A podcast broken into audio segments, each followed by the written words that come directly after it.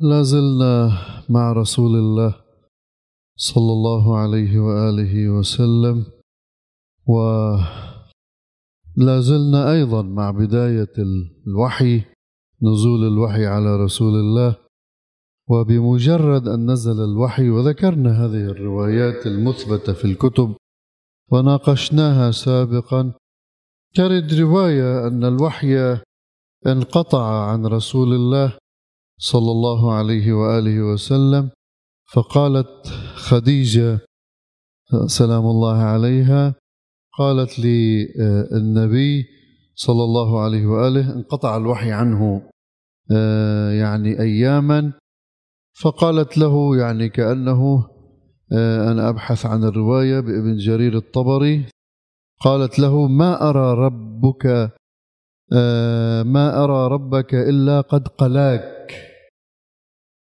قال فأنزل الله عز وجل والضحى والليل إذا سجى ما ودع رب ما ودعك ربك وما قلى. مثل هاي الرواية نفس الكلام لا يمكن أن نقبلها مع الأسف الشديد. وهي في بدايات الوحي. أولا ثانيا ثالثا. قبل ما أعلق على الرواية في هنا مثلا آراء بالنسبة إلى نزول سورة الضحى أو أسباب النزول. ابن عباس يقول احتبس الوحي خمسة عشر يوم. ومعلوم ابن عباس في المدينة وليس في مكة. آه، آه، فقال المشركون إن محمدا قد ودعه ربه وقلاه. ولو كان أمره من الله تعالى لتتابع عليه الوحي يعني. فنزلت السورة والضحى والليل إذا سجى. هذا رأي ثاني رأي ثالث قيل أن احتبس الوحي 12 يوما عن ابن جرير جريج. وقيل أربعين يوما عن مقاتل. وقيل إن المسلمين قالوا ما لك لا ينزل عليك الوحي يا رسول الله. فقال وكيف ينزل علي الوحي وأنتم لا تنقون براجمكم؟ يعني ما بتنظفوا ديكم الوسخ بيكتر عليها. ولا تقلمون أظافركم. شو خص هاي بها شو لها دخل إذا المسلمين كانوا وسخين؟ أو ينظفوش حالهم شو له دخل بعدم نزول الوحي؟ ما أدري. طيب آه، ولما نزل ولا تقلب ولما نزلت السورة قال قال النبي لجبريل ما جئت حتى اشتقت إليك. فقال جبريل وأنا كنت أشد شوقا إليك ولكني عبدا مأمور وما نتنزل إلا بأمر ربك. وقيل هذا الرأي السابع الثامن الله أعلم سألت اليهود رسول الله عن ذي القرنين وأصحاب الكهف وعن الروح فقال سأخبركم غدا. يعني ما قال لهم بنتظر أمر ربي؟ أو إن شاء الله. قال لنا بكرة بخبركم فالله عاقبه. ليش قال لهم غدا؟ مفروض يقول إن شاء الله. فلأنه قال لهم غدا الله عاقبه وأخر الوحي. إن شاء الله فاحتبس عنه الوحي الوحي هذه الأيام. فاغتم لشماتة الأعداء. يعني اليهود اللي سألوه فنزلت السورة تسلية لقلبه. وقيل رمي بحجر في أصبعه هل أنت إلا أصبع؟ قال له لا اصبعه هل أنت إلا أصبع دميت وفي سبيل الله ما لقيت؟ فمكث ليلتين أو ثلاث لا يوحى إليه. فقالت له أم جميل بنت حرب امرأة أبي لهب مرت عمه يعني يا محمد ما أرى شيطانك والعياذ بالله. إلا قد تركك لم أره قربك منذ ليلتين. أنا مش عارف أم جميل شو دخلها بالموضوع يعني. أم جميل مرة مشركة يعني تشوف ليش عم بذكر لك كل هالروايات؟ طبعا ومختصرة ليش عم بذكر لك إياهم؟ بس لأقول لك إنه شوف قديش الوضاعين مخيلتهم كبيرة وهاي مثل ما انك شايف كتب محشية بكتب المسلمين. طيب أول شيء أم جميل مش قاعدة مع النبي ببيته. وثاني شيء أم جميل شو بده يشوفها ب هي خديجة ما كانت تشوف. آه، آه، جبريل عليه السلام ولا كانت تسمعه. فيش إلا الإمام علي إنك تسمع ما أسمع وترى ما أرى إلا أنك لست بنبي. أم جميل. ها قالت له شو بين ثلاث أيام مش شايفة ما ما إذا لعندك هذا شيطانك قصده جبريل عليه السلام. شو اللي دخل؟ طيب اللي قبلها شفتوا الرواية اللي قبلها؟ إنه قال لهم على بكرة بقول لكم فقام احتبس الوحي ليعاقبوا على هالكلمة وشمتوا فيه فنزل الصورة. هيك كما ترى. شايف؟ اللي قبل منها إنه والله أنتوا ليش ما بتنظفوا حالكم؟ عشان هيك مش عم ينزل روحوا نظفوا حالكم لينزل علي الوحي شو له ربط؟ طيب ما كانوا يشربوا خمر كان الأجدر أنه يقول لهم لا تشربوا خمر حتى ينزل الوحي. أهم من ال... لا تزنوا والعياذ بالله حتى ينزل الوحي. لا كذا. في شيء أعظم من نظافة الإيد وتقليم الأظافر. مثل ما أنك شايف سخافات بسخافات. آسف لهذا التعبير بس هذه سخافات. مع الأسف الشديد. طيب وقت اللي بنجي لرواية ابن جرير بتقول له خديجة أنه والله ما أرى إلا ربك قلاك هو بعدها جاي من عند ورقة ابن نوفل اللي حكينا عن الرواية سابقا. شايف؟ يوم ثاني يوم ثالث يوم رابع يوم وقف الوحي. شو بن شايفة ربك نزل عليه نزل الوعي بالغار ووقف. هاي معناته الله تركك مش مهتم فيك. فنزلت ما ودعك ربك وما قلى اولا واضح انه السورة هذه ما نزلت مباشرة بعد سورة اقرأ باسم ربك. هذا واضح جدا. ما كان عقله قصصي. تعرفوا هاي العقول ما كانت إلا عقولا قصصية. ما كانت عقول يعني هيك عقول تناقش الحقائق وتستدل وتبحث عن الحقائق. طيب الأمر الآخر أنه نحن كما نكرر دائما عم نبحث عن الحقيقة والحقيقة يكفي أن تقول بأن الله سبحانه وتعالى اختار نبيه لوحيه وحي السماء ثم قال له قم فأنذر. قم إلى الإنذار لأنه بمجرد أن نزل عليه الوحي أمره الله سبحانه وتعالى جاء إلى خديجة تدثر تزمل فنزلت هاي السورة يا أيها المدثر قم فأنذر كما قلنا سابقا.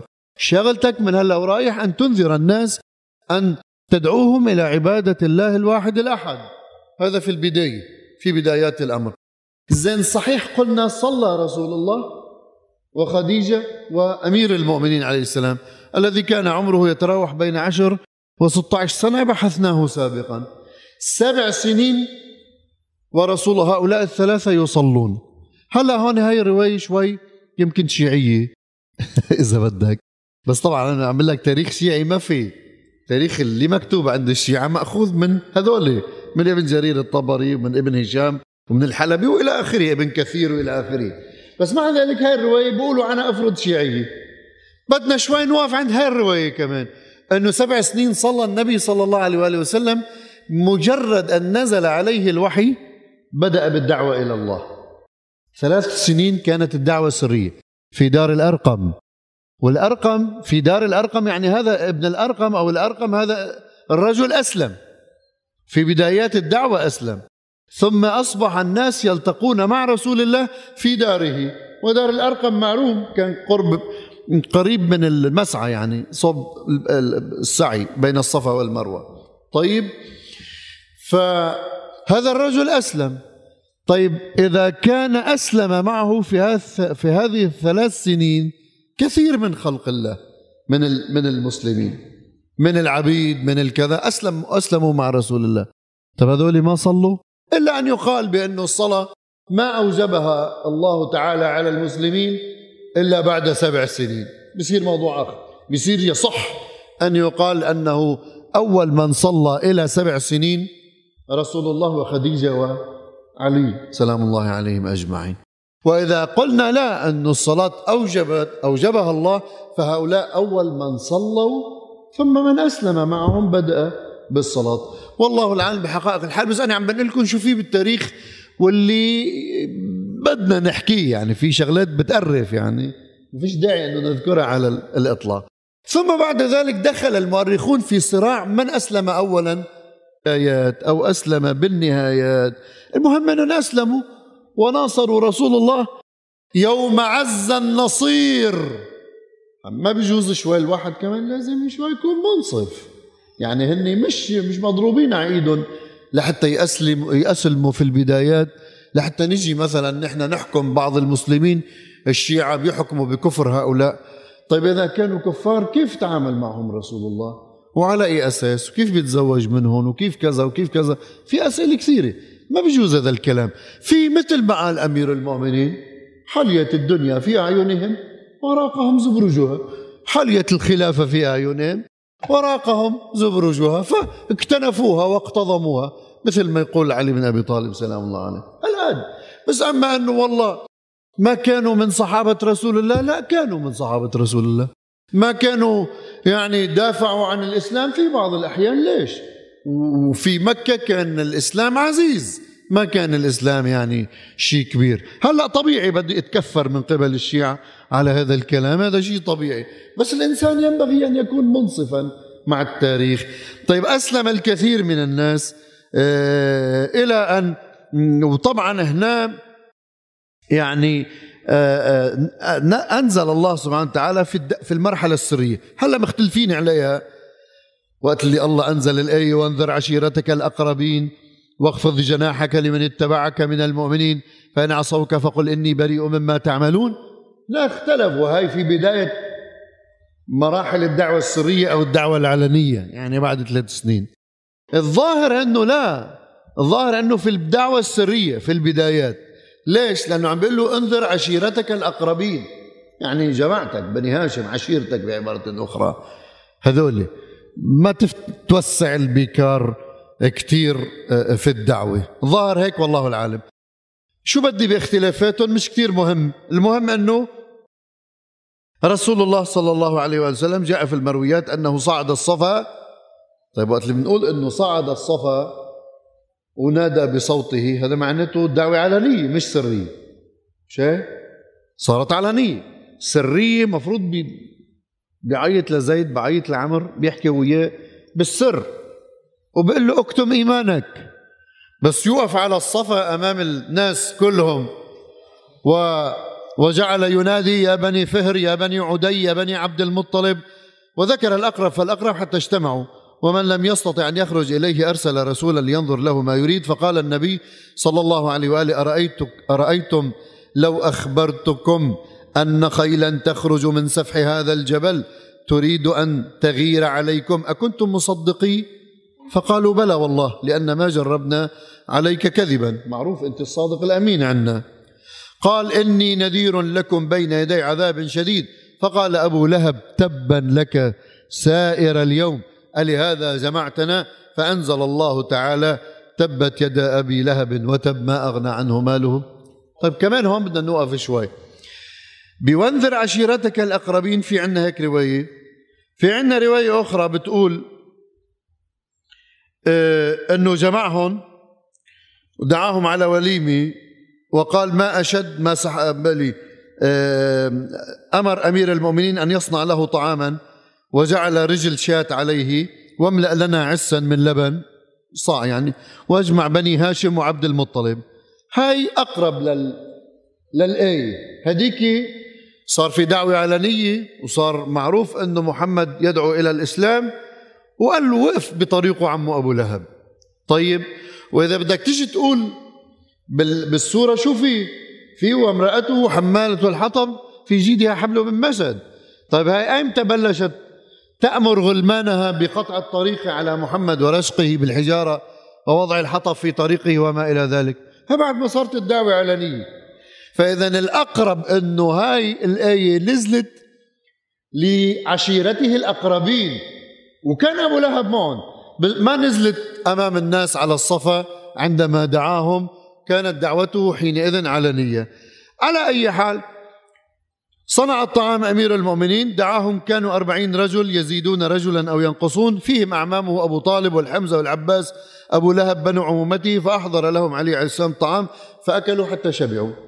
في روايات بتقول أنه كأن الطعام وحتى ابن جرير طبري ذاكر هالشيء بيقول أنه هاي الطعام كان يكفي لرجل واحد أكله الأربعون وشبعوا وبقي من الطعام كذلك عسا.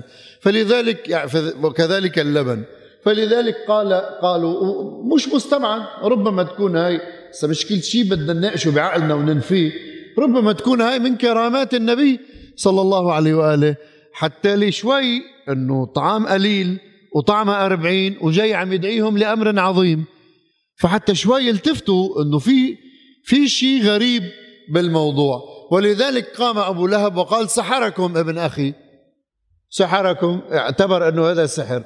على كل حال هسه ما بدي ناقش ممكن يتناقش بالرواية بس بديش ناقش فيها. طيب آه بلي إلى أن قال النبي صلى الله عليه وسلم بعد ما شربوا وأكلوا ما أعلم إنسانا في العرب جاء قومه بمثل ما جئتكم به لقد جئتكم بخير الدنيا والآخرة وقد أمرني ربي أن أدعوكم إليه فأيكم يؤازرني يؤازرني على هذا الأمر على أن يكون أخي ووصي وخليفتي فيكم من بعدي فأحجم القوم غير علي عليه السلام.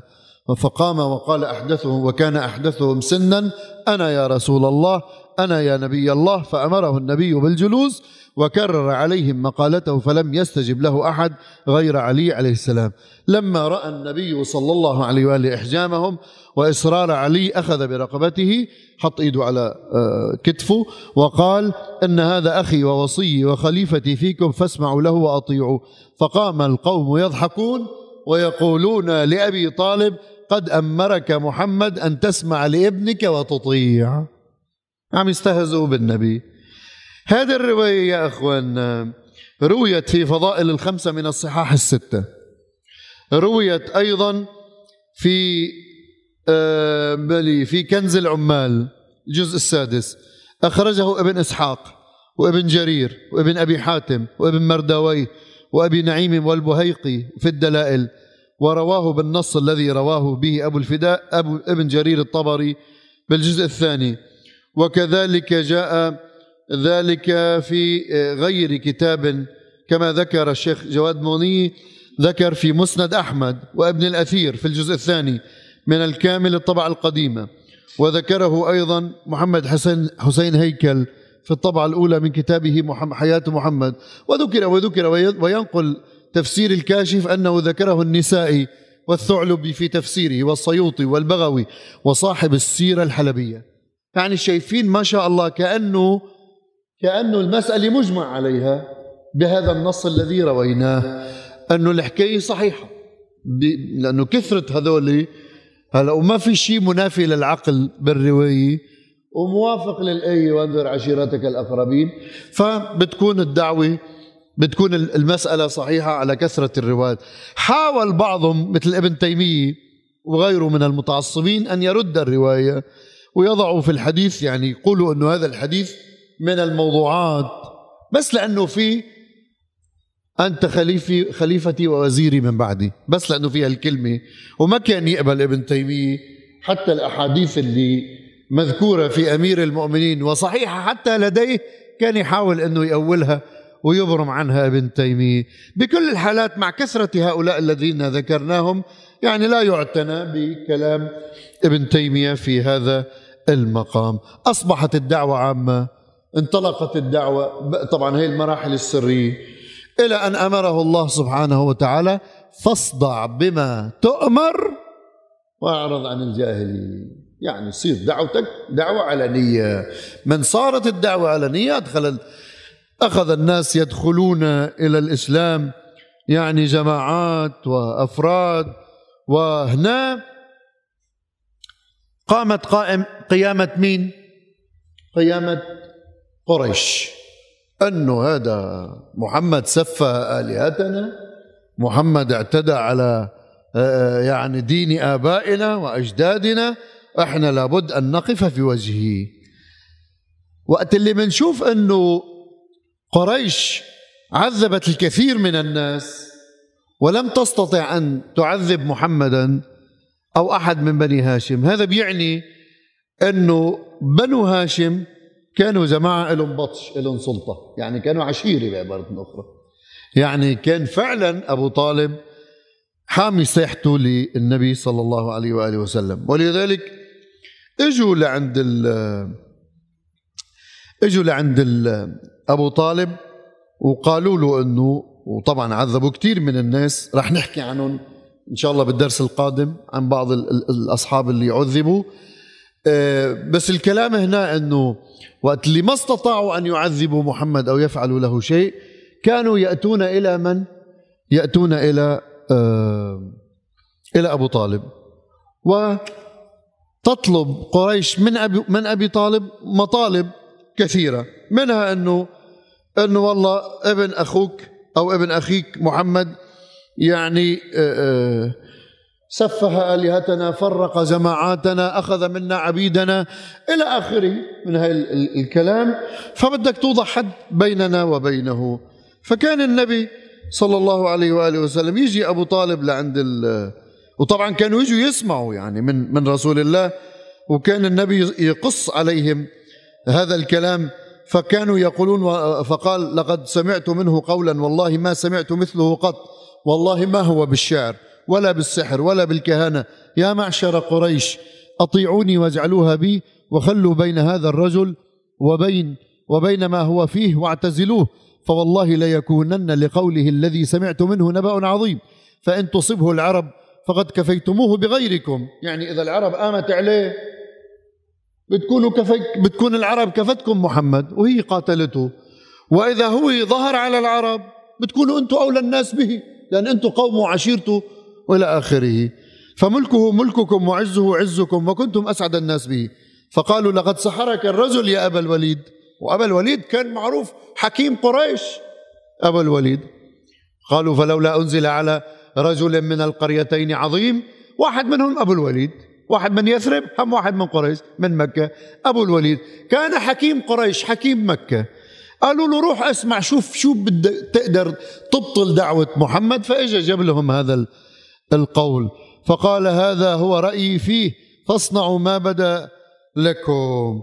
ثم جاءوا إلى إلى أبو طالب وقالوا له لأبو طالب بدك توقف ابن خيك وإلا إحنا ما قادرين يعني نتحمل. فقال يا عم والله لو وضعوا الشمس بيميني والقمر بشمالي على أن أترك هذا الأمر ما فعلت أو أهلك دونه.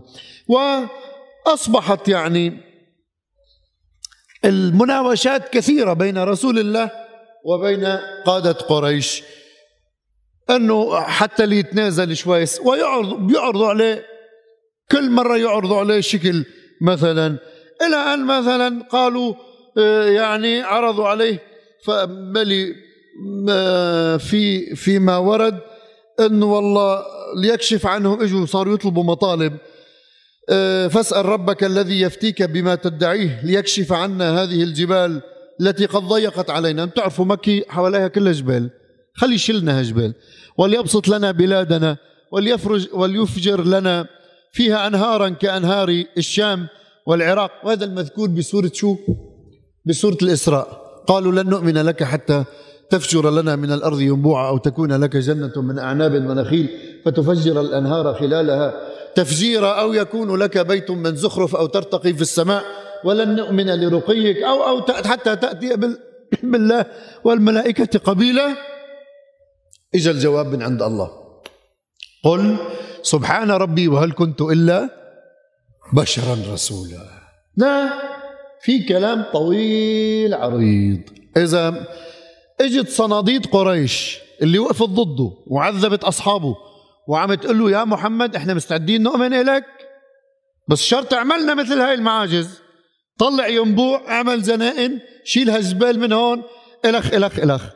فكان الجواب فرد عليهم بقوله ما بهذا أبعث إليكم إنما جئتكم من الله بما بعثني به وقد بلغتكم ما ما أرسلت به إليكم فإن قبلتموه فهو حظكم في الدنيا والآخرة. وإن تردوه علي أصبر لأمر الله تعالى حتى يحكم الله بيني وبينكم بالحق وهو خير الحاكمين. سمعتوا مقالة رسول الله؟ يعني ما في معاجز؟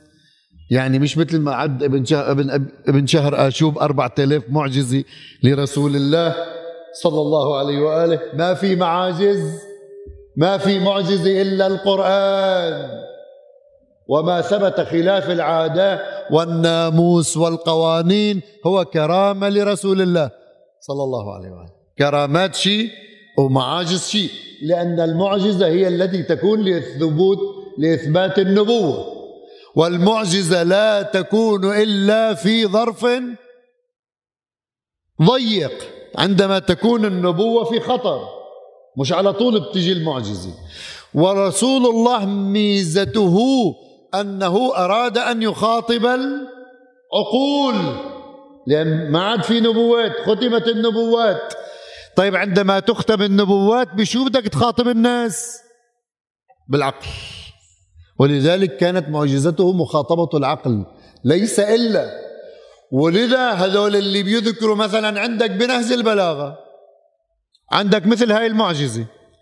جاء في شرح النهج أنه عن أمير المؤمنين إن قال يا فقالوا يا محمد إنك ادعيت عظيمة لم يدعي آباؤك ولا أحد من بيتك ونحن نسألك أمرا إن أنت أجبتنا إليه نؤمن لك قال ما تسألون؟ قال ادعوا لنا هذه الشجرة حتى تنقلع بعروقها وتقف بين يديك. فقال إن الله على كل شيء قدير. فإن فعل الله ذلك تؤمنون وتشهدون بالحق؟ قالوا نعم. قال إني سأريكم ما تطلبون وأني لا أعلم أنكم لن تضيئون إلى خير. وأن وأني أعلم أنكم لن تضيئون إلى خير.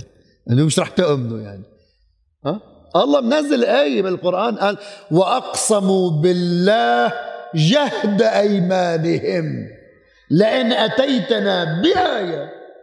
يعني معجزة. مثل معاجز موسى ومعاجز عيسى لنؤمنن لك. الله شو قال له؟ قل إنما الآيات عند الله. الله اللي بينزل آيات مو شغلتي. إحنا شو زينا؟ إحنا زينا قلنا رسول الله حياته معجزات. شوية أقفلنا الباب على رسول الله سني وشيعي. ورحنا لمعاجز الصحابة هنيك وإحنا رحنا لمعاجز أهل البيت. صرنا ندعي معاجز لأمير المؤمنين معاجز للحسن معاجز للحسين. ما في معاجز. لا يوجد معاجز إلا للأنبياء. والمعاجز للأنبياء لا تكون إلا حينما تكون دعوتهم بخطر كالآيات. يعني عيسى عليه السلام عندما أبرأ الأكمه والأبرص بإذن الله عندما كانت دعوته بخطر. مش على كيفه. ولا ساعة اللي بده. ولا كان بيروح على مقبرة بيحييها. مش قادر يحيي الموتى بإذن الله حسب ما بيقولوه. ها؟ وبيصيروا جنوده وبيظهر دين الله. بلا هود اللي مش رح يؤمنوا له وقت اللي أنا قادر أعمل هيك معاجز لا أطوع الناس لي. أطوع الناس لي. ولذا بنهج البلاغة نفسه في لو أراد الله كذا لأنبيائه بما معناه أنه يؤمن الناس بالقوة لأرسل معهم العقبان وفتح معهم الكذا الكنوز الأرض ورفع معهم الجبال. كانت قامت الناس غصبا عنها. كان بيجي النبي بيرفع الجبل فوقهم كأنه ظلة مثل ما صار مع بني إسرائيل.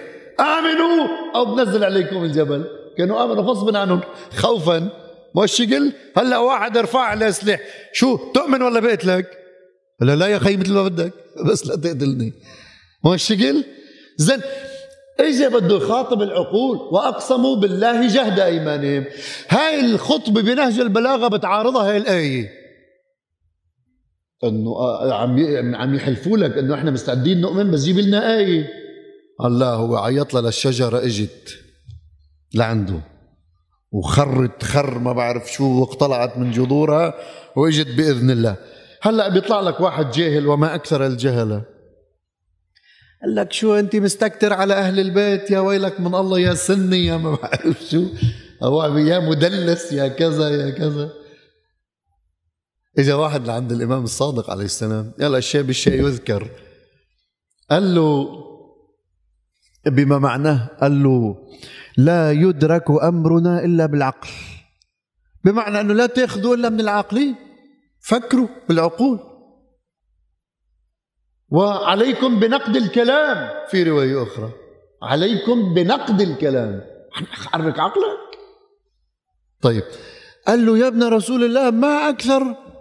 ما أكثر هؤلاء الذين هم على أمرنا. مثل مثل حكايتنا شيعة يعني. ولكن ليس لديهم ما تقول. قال له ما هؤلاء الذين خاطبهم الله؟ عندما خاطب العقل والله ما خلقت خلقا أعظم منك علي بك أثيب بك أعاقب إياك أمر وإياك أنهى. قال له أنا عم نحن بدنا شيعة عاقلين. شيعة يميزوا شيعة يفكروا شيعة ينقدوا شيعة يحركوا دماغهم. ما بدنا شيعة طرش. ما بدنا شيعة عايشين مثل الحيوانات بس ياكلوا ويشربوا شو بيسمعوا يرددوا مثل الببغائيين بدنا شيعة بيفهموا. هذا مش أنا اللي عم بحكي الإمام صادق مو أنا. مش أنا. ومع الأسف الشديد كل واحد بحجة الكرامة وبحجة شو اسمه بخرجك عن الدين وبيضللك هاي كلها هاي قال لهم أنا عارف مش رح تؤمنوا. طيب إذا أنت عارف مش رح تؤمنوا ليش عملت لهم هاي المعجزة؟ يا أيتها الشجرة إن كنت تؤمنين بالله واليوم الآخر وتعلمين أني رسول الله فانقلعي بعروقك حتى تقفي بين يدي بإذن الله والذي بعثه بالحق لانقلعت بعروقها وجاءت ولها دوي شديد وقصف كقصف أجنحة الطير. يلا بلا ما نعلق. حتى وقفت بين يدي رسول الله مرفرفة وألقت بغصنها الأعلى على رسول الله وببعض أغصانها على منكبي وكنت عن يمينه فلما نظر القوم إلى ذلك قالوا علوا واستكبارا فمرها فليأتك نصفها ويبقى نصفها. فأمرها بذلك فأقبل نصفها كأعزب إقبال وأشده دويا فكادت تلتف برسول الله فقالوا كفرا وعتوا فمر هذا النصف فليرجع إلى نصفه كما كان فأمره رسول الله فرجع. حكاية ألف ليلة وليلة هذا النبي مشغول فاضي. يلا أربي تعي روح الزقي اعملي اطلعي ينزل شو هيك الدين؟ حكاية. والله عملوا لنا الدين أساطير. لا وين حاطينها هاي؟ هاي حاطينها بنهج البلاغة وناسبينها لأمير المؤمنين. سلام الله عليه. طيب فمر لا إله إلا إني أول مؤمن بك بلي فقلت أنا يعني الإمام علي إني أول مؤمن بك بك برسول الله يا ويا أول من يا وأول من أقر بأن هذه الشجرة فعلت إلخ إلخ إلخ, إلخ. وهو ديك قالوا ساحر كذاب. هاي كل حكاية بتنافيها آية اللي قلت لكم إياها وأقسموا بالله جهد أيمانهم كل شوي يجي عند عند النبي جيب لنا آية مثل آية موسى عصا. قال يا عمي وهل كنت إلا بشرا رسولا؟ طلع لنا نبع وهل كنت إلا بشرا رسولا؟ عملنا زنائن وهل كنت إلا بشرا رسولا؟ هذا هو رسول الله. ولذا هاي الكتب المحشية ما رح أجيب لكم شو فيه بس هاي الكتب المحشية بالمعاجز أكثرها غير صحيح. الكرامات الثابتة لا إشكال نؤمن بالكرامات. ورسول الله أعظم كرامة وجود رسول الله بين البشر أعظم كرامة. أعظم كرامات السماء على البشر. بعث رسول الله بعث رسول الله. اللهم صل على محمد. ما يحتاج ما يحتاج. هلا تشوف مثلا اقتربت الساعة وانشق القمر. بالقرآن. كل السنة والشيعة حتى في دكاترة من هذول تبعوا علم الطبيعة وكذا بيقولوا لك إنه شافوا القمر. في شق اللي طلعوا على القمر وسبحان الله بيطبقوا الآية ويقولوا لك انشق القمر. ليش؟ لأنه النبي أمره بأن ينشق. عم بيقول اقتربت الساعة. شو اللغة عربية؟ شو هي لغة عربية؟ اقتربت الساعة. يوم القيامة. وانشق القمر. زي مو بس هالشكل. اجت الروايات تعقب؟ تقول بأنه قالوا له للنبي مر هذا القمر بأن ينشق مثل الشجرة. نصفين انشق نصفين. في رواية كمان شو صار؟ قال له للآن نص بالقمر فوت بكمه يا عمي كم رسول الله بي؟ صلى الله عليه وآله. بساع نص القمر. كوكب ضخم. شوي عقل شوي منطق. يطلعوا لك دين الله لا يصاب بالعقول. دين الله عقل مش دين الله لا يصاب بالعقل هذيك الأمور التعبدية لا تصاب بالعقل. يعني صلاة الظهر أربعة لا تصاب بالعقل. لأنه لو كانت خمسة بدك تقول لي ليش خمسة. ولو كانت ثلاثة بدك تقول لي ليش ثلاثة. طواف حول الكعبة سبعة. تعبد. هذا اللي دين الله لا يصاب بالعقل. بس الشريعة كلها عقل. وإذا نافت المفاهيم الدينية العقل علينا أن نراز نرجع نخطئ الدين وليس العقل. عم بحكي عن العقل السليم. لازم نخطئ الدين مش العقل. طبعا الدين مقصود الفهم الديني. أنتم فهمانين الدين غلط. أي أمر هذا اللي بده ينشق ينشق ويفوت بكم رسول الله؟ وليش هاي الشجرة بدها تطلع إذا بدون شو امنوا كرمال شو؟ يكفيه هذه المعجزة صلى الله عليه وآله وسلم. يكفيه ما دعا إليه من خير وأخلاق. يكفيه ما دعا إليه من مساواة بين النساء. والرجال يكفيه ما دعا إليه من رفع المؤمن سواء كان مرأة على الرجل أو رجل على المرأة إذا كان تقيا ويكون أكرم مكرما عند الله. يكفيه أنه أعطى حقوق رفع الضيم عن المظلومين يكفيه أنه ساوى بين بني البشر لا فرق على عربي على عزمي ولا أسود على أبيض إلا بالتقوى يكفيه أنه جاء بخير الدنيا والآخرة يكفيه بأنه حاق العقل والمنطق يكفيه بأنه دعا إلى الأخلاق دعا إلى التسامح دعا إلى العفو دعا إلى الحب دعا إلى الكرامة دعا إلى الإنسانية دعا إلى الإنسان واحترام الإنسان وكينونة الإنسان دعا إلى احترام العقل وتعظيم العقل لكل قوم. آل وآلة المؤمنين العقل لكل مهاجر. فسطاط وفسطاط المؤمنين العقل لكل طبيب دواء ودواء المؤمنين العقل لكل صناعي. آل وآلة المؤمنين العقل العقل العقل ثم العقل.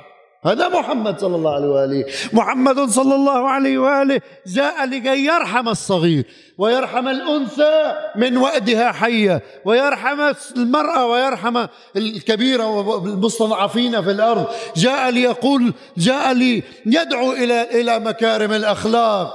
ألا يكفي هذا كرامة؟ هذه هي أعظم الكرامات. أعظم كرامة لمحمد أخلاقه. وعندما لا نكون نتمثل أخلاق رسول الله صلى الله عليه وآله معناته إحنا بلا كرامة. مش بحاجة رسول الله لتحطوا له هالقصص لتبعدوا عن الهدف الأساسي. وهناك مزيد من الكلام يأتيكم إن شاء الله والحمد لله رب العالمين.